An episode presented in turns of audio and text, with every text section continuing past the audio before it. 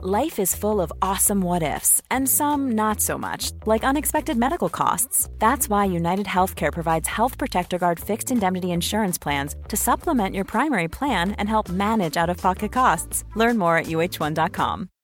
Since 2013, Bombas has donated over 100 million socks, underwear, and t shirts to those facing homelessness. If we counted those on air, this ad would last over 1,157 days. But if we counted the time it takes to make a donation possible, it would take just a few clicks. Because every time you make a purchase, Bombas donates an item to someone who needs it. Go to bombas.com slash ACAST and use code ACAST for 20% off your first purchase. That's bombas.com slash ACAST, code ACAST.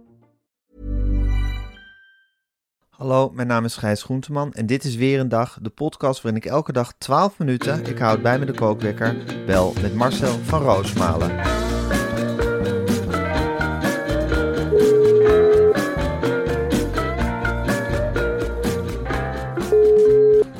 Goedemorgen Marcel. Goedemorgen, Gijs. Goedemorgen Marcel. Hey, ik weet dat je staat te popelen om het nieuws met mij door te nemen, zoals elke dag.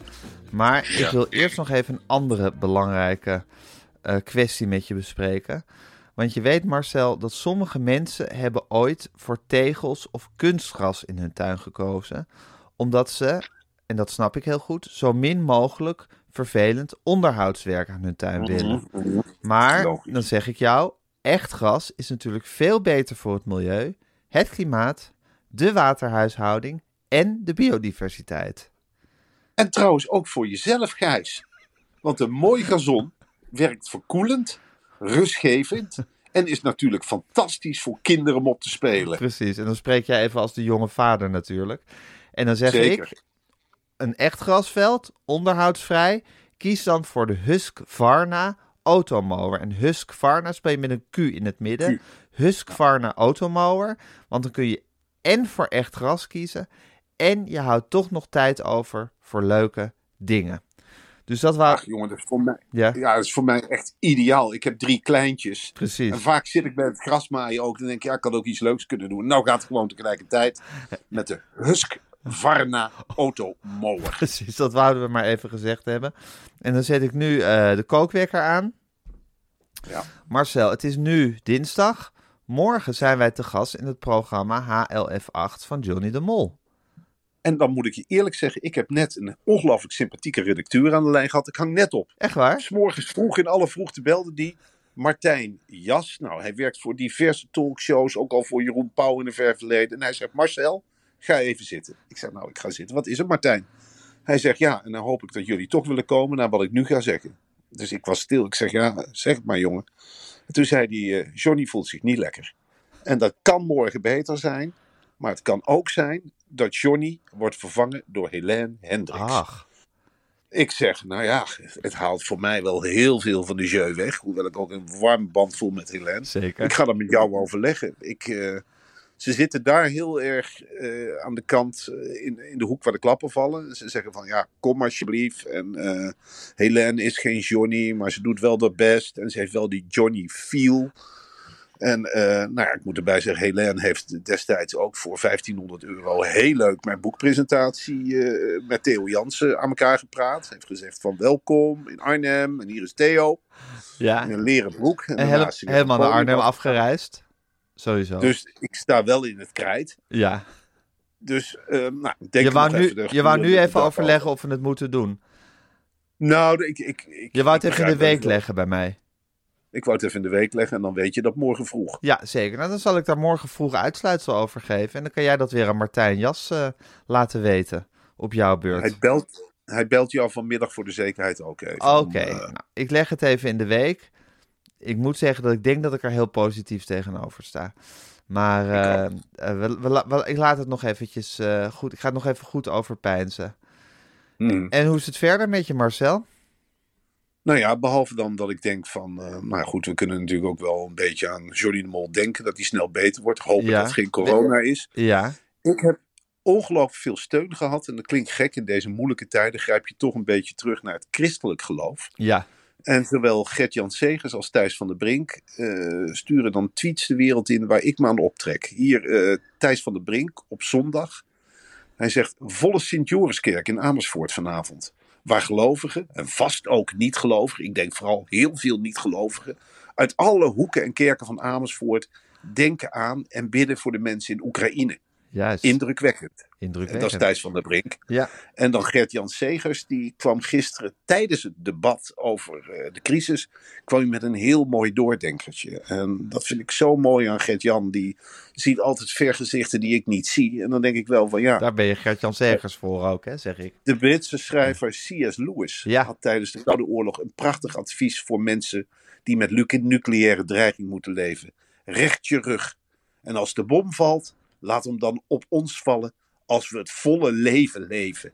Niet als een stel bange schapen met angst voor bommen. En ik denk, verdomme ja! En zo heb ik gisteren ook wel geleefd hoor. Ja, heb je rug gerecht, Marcel? Ik ben naar school gefietst met die kinderen. En dadelijk ga ik ook weer met die bakfiets vol kinderen naar school. En het kan me niet schelen als er een bom valt. Ik recht de rug. Kom nou, ze krijgen mij er niet onder. Rob Poetin. Huppakee. Ik ga door met leven. Leven de ChristenUnie. En we zullen ze te pakken nemen. Nou, dat, dat gevoel, dat heb ik heel, heel erg sterk. Ja, En voor de rest, eh, ja, ik weet dat het misschien, eh, je- ja, het ligt misschien gevoelig omdat het een collega van je is. Maar aan wie ik me ook altijd optrek, en ik had daar eh, gisteren de hele dag naar uitgekeken. eh, op maandag wordt de Volkskrant pas laat bezorgd in Wormen. echt waar? Hoe laat? Ja, nou rond een uur of twee is hij dan eindelijk bij de Vomar. En dan ben ik vaak als eerste hoor, om dus die Ja, krant weg post, te ja, rukken. post de hele dag bij de val, maar tot, eh, tot de Volkskrant daar afgeleverd wordt. Ja, ik heb natuurlijk een abonnement op NRC. Een, een geweldige krant. Kan de Volkskrant Zeker. niet bij in de schaduw staan. Maar de Volkskrant op maandag. Dan heb je eerst Sander Schimmelpen. Ik ben een doordenkertje. En daarna voor het sentiment. Ja, en omdat ik een sportliefhebber ben. Ja, dan lees ik Willem Vissers. En eh, mag ik je even meenemen in zijn belevingswereld. Wat eigenlijk ook een beetje mijn belevingswereld is. Hij schreef dit, dan moet je je voorstellen, onder extreme omstandigheden. Namelijk. Op een perstribune bij AZ. Dat is daar winderig, hè? Ja, Het dak is weliswaar gerepareerd, maar het ligt langs de snelweg. Er is lawaai. De wedstrijd AZ Feyenoord. En dan schrijft hij dit. Terwijl je in een voetbalstadion kijkt naar AZ en Feyenoord, flitst op je telefoon een bericht binnen dat de Russische president Poetin nucleaire afschrikkingsmiddelen op scherp laat zetten in de oorlog tussen Rusland en Oekraïne. Wat is profsport dan nog waard als verstrooiing voor de wereld? Je wilt onder een deken kruipen tot het voorbij is. Bidden, duimen, smeken om gezond verstand. En nou ja, dat vind ik al, dat ik denk, ja, zo is het. Wat Ja. maak je het? touché. Dan grijpt hij met die grote Limburgse handen terug in die grote doos met verdrongen herinneringen. En dan komt hij midden in die column, meandert hij in één keer naar een gesprek met een Zwitserse journalist in 2012. Want toen was hij in de Oekraïne. Echt waar? En dan, ja, en dan schrijft hij iets prachtigs. Wandelend door het centrum in Kharkov ging het gesprek over de vijandigheid tussen Nederland en Duitsland door de jaren heen. Over hoe de gevolgen van de Tweede Wereldoorlog doorwerkt in het voetbal. Met langzame normalisatie van verhoudingen. Opeens wel de tranen op. Het ging over mijn vader, afkomstig uit een straatarm gezin in Rotterdam. In de hongerwinter wandelde hij in drie dagen naar de kop van Noord-Holland om op een boerderij in de Weren te overleven. Eten in ruil voor klusjes bij de boer. En dan, ja, sorry, maar dan zit ik te janken bij de krant. En ik, godverdomme. Eten in ruil voor klusjes bij de boer. Wat een gemene boer.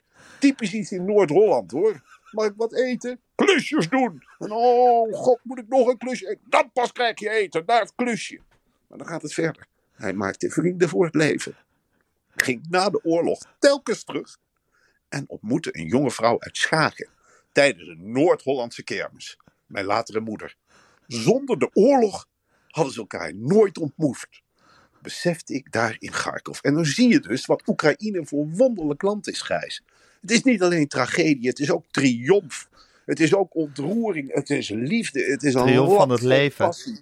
Ja, en dat heb ik echt nog nooit. En hij schrijft ook aan het eind. Dat soort romantiek telt nu niet, nu Nee. de wereld brandt. Dus het telt wel, we worden er wel mee om de oren geslagen, maar het telt niet. Ja, en dat is het knappe, weet je wel. Je schildert, ik zie dat ook, eh, mijn oudste dochter Lucie heeft ook een bepaald talent. Die pakt dan bijvoorbeeld de stift en dan trekt ze een cirkel. En voor ik het weet is de regenboog. Ik zeg, Lucie, hoe doe jij dat? Ze zegt, nou papa, ik pak telkens een ander kleurtje. En zo doet Willem Vissers dat ook. Hij begint met oranje, dan rood, dan roze. En uiteindelijk zwart. Streep eronder, klaar, doordenkertje. En dat vind ik mooi. Wat goed. en daar zeg. kunnen we ons aan vasthouden. Zeker, en dat doen we dan ook. Mm. Wat vind je er verder van die oorlog, Marcel? Ik word, ik word er een beetje moe van dat, dat, dat, dat, dat, dat, dat- moe van, het is, het, is, het is een noodzakelijkheid, maar bij eigenlijk alles wat je wilt zeggen, moet je nu hele disclaimer maken van, maar dat er eigenlijk een wereldoorlog aan de gang is. Dus als je het Nou- niet over de wereldoorlog hebt, dan moet je de hele tijd zeggen, maar ik weet heus wel dat er ook een wereldoorlog is. Ik vind voor met mijn karakter komt het eerlijk gezegd, en dat zeg ik fluisterend Gijs, Ja, komt het wel goed uit. Want dan heb ik bijvoorbeeld een fout gemaakt, maar dan relativeer ik dat zelf. Dan zeg ik, maar ja goed, eh, er hangt ook wel een dreiging in de lucht zeg. Ik dacht dat u de kinderen om half vier kwam ophalen. Ik zeg, ja, dat klopt, maar er hangt ook wel wat in de lucht zeg. Oké, Ja. raketten. je hebt eigenlijk altijd een reden om gewoon, om gewoon je, je fouten te, eh, goed te praten. Ja, je hebt, je hebt wel iets om, eh, er is iets ergers. En Ja. je kunt je eigen problemen veel beter relativeren. Ja, Toch? Ja, dus het geeft je En- wel een soort, soort hernieuwde levensenergie eigenlijk. Ja, en weet je wie ik ook hoop dat een hernieuwde levensenergie krijgt? Nou, Dat is, ik krijg dit van vijf collega's, ex-collega's van het tijdschrift HP De Tijd, oh toegestuurd. god. Ja, ik weet waar je heen wil, ja.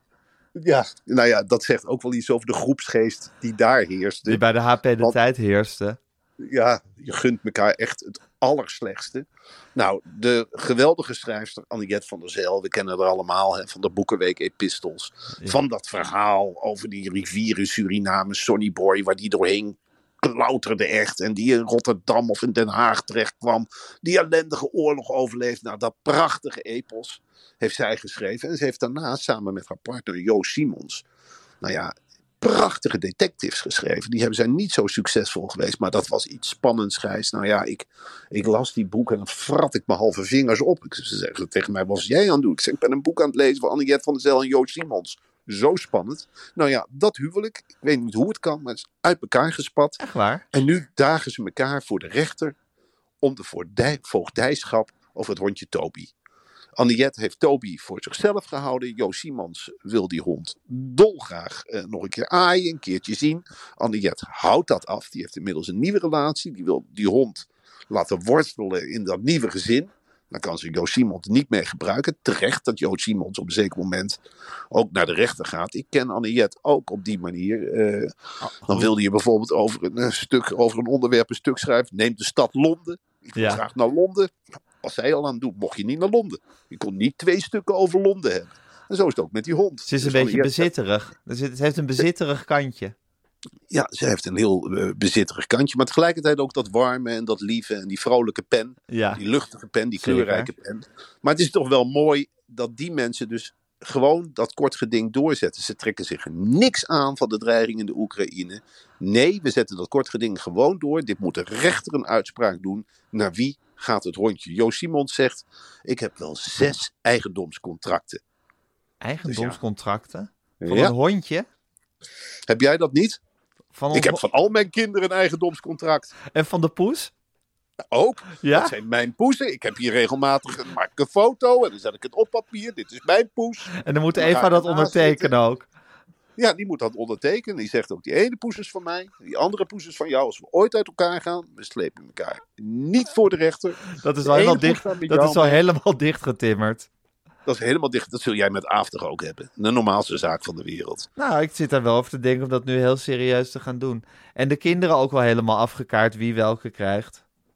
Ik vind dat Eva recht heeft, omdat ze meer zorgt. Heeft ze recht op alle drie. Zij, zij mag gerust een kindje meer hebben, als ik het maar vaak mag zien. Dus dan neem ik ze mee naar de Efteling of iets leuks. En natuurlijk, voor de opvoeding, de warmte. Dat moet in Daar hebben ze mama voor nodig. Nou, op werktijden is dat wel makkelijk, ja. Marcel, ik weet niet of het je opvalt, maar de kookwekker is gegaan. We mogen absoluut niet doorpraten. Nee. Eh, dat weet je ook. We spreken elkaar morgen weer. Wanneer zien wij elkaar weer in het theater, Marcel? Ik ga eens even. Daar is een hele handige website voor, Gijs. En die website heet pannenkoekencaravan.nl. Pannenkoekencaravan.nl Pannenkoekencaravan.nl. En dat is volgens mij zonder tussen N, hè? Ja, maar Pannen. mis- misschien ook wel met, met tussen. Google het anders maar. En er staat een hele Ja. speellijst. Ken jij hem uit je hoofd, Marcel, toevallig of niet? Nou, ik, ken me, ik ga nu niet op die site kijken. Ik ken hem gewoon uit het hoofd. En dan zeg ik even. eh, donderdag 10 maart Den Haag, Diligentia. Oh, donderdag 17 maart Amstelveen. Oh, dat wordt Zaterdag genieten. 19 maart Utrecht. Och, dat zijn altijd heel veel mensen. Ja. Zondag 20 maart Den Bosch. Nou, ik kan mensen wel aanraden van ga daarheen, daar is nog plek. Donderdag 24 maart Leiden. Woensdag 30 maart Amersfoort. Dat Oh, hebben we ertussen laten zetten. omdat dat van de echt een pannenkoekenstad is. ja. Gouda, 7 april, is een kaasstad. Maak dus kennis met de pannenkoekencaravan. 15 Eén- april Rotterdam. in 1 het oude april Ede. Theater. 1 april Ede. 22 april Venlo. Ach. 28 april Ede. 13 mei Arnhem. Dat wordt heel spannend. Ja, dat ik- wordt echt genieten. Daar verheug ik me zeer op. Ja, ik ben er ook. Ja, ik heb me een beetje uitgesproken tegen de eh Vitesse-eigenaar. Russi- Russische Rus. inmenging, ja. Dat is heel pro-Russisch Dus op de kan dat kan vijandig worden. Ja, dat kan omturnen van heel warm naar heel koud. Maar goed, zo ben ik ook opgevoed. Dus dat doet me geen kwaad. 19 Maar- mei Zutphen. 21 zijn- mei Purmerend. 25 mei Groningen. 2 juni Al- Almere. 3 juni weer Arnhem. Maar Marcel, het zijn heerlijke avonden, hè? Och, man, Gijs, We, als ik daar we vertellen en we kletsen. En we lachen. En En we lachen Maar en we laten de mensen lachen. Nee, waarvoor doe je het dan? Nou, voor de bedankjes na afloop, die, die, die handjes die je krijgt. die Het persoonlijke zeggen, contact met, je, met het publiek. Och, ik heb in tijden niet zo gelachen. Bedankt voor ons amuseren, meneer Verhoosman. Nou, je mag Marcel zeggen. Oh, en wat was Groenteman goed, zeg. Oh, wat een avontuur. Goh, hebben jullie veel meegemaakt met die caravan. Waarom schrijft u dat niet op? Dan zeg ik, nou ja, omdat we theater gaan. Wat kunnen jullie leuk samenspelen? En hier alle twee evenveel aan het woord, net als op televisie. Het is net echt. En dan, Ja. dan ga je toch met een zaken. Jij gaat vaak met zakken snoep hè, van naar huis. Want dan zijn er weer twee vrouwen die zeggen: Gijs, kom eens. Ja, ik heb voor jou lekkere snoepjes gehaald. Hier, neem maar lekker. En dan, ja, goed. Marcel, Marcel, ja, wil je met ons op de foto? Doe ik allemaal. Ja, tuurlijk. En het is Ja. natuurlijk ook achter de coulissen spannend. Dan staan we met z'n tweeën met die gordijnen. En dan kijken we en dan zie je die zee van mensen die elkaar Ja. ook allemaal vinden. Dat is ook zoiets geks. Ja, en dan Met voel je de spanning stijgen en dan knalt het eruit, dat hele verhaal over die pannenkoekencaravan. Nou, maar het is ook alsof het allemaal vrienden zijn van elkaar. Ja, Hey, zeker. Zijn Zeker. jullie ook fan van Marcel en Gijs? Ja, ik ook. hey, leuk. Nou ja, het is fantastisch iets om mee te maken. Het zijn kerkdiensten. Toch of niet? En dan kan je gewoon een kaartje verkopen. Als je er zin in hebt. Hoeft helemaal niet, maar je, je mist wel wat als je het niet doet.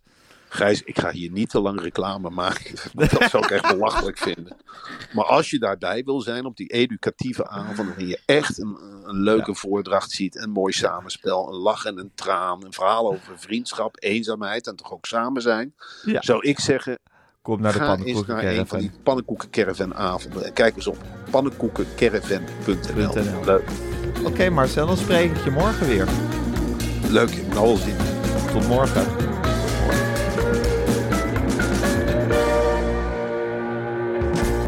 Dit was een podcast van Meer van Dit. Wil je adverteren in deze podcast? Stuur dan een mailtje naar info.meervandit.nl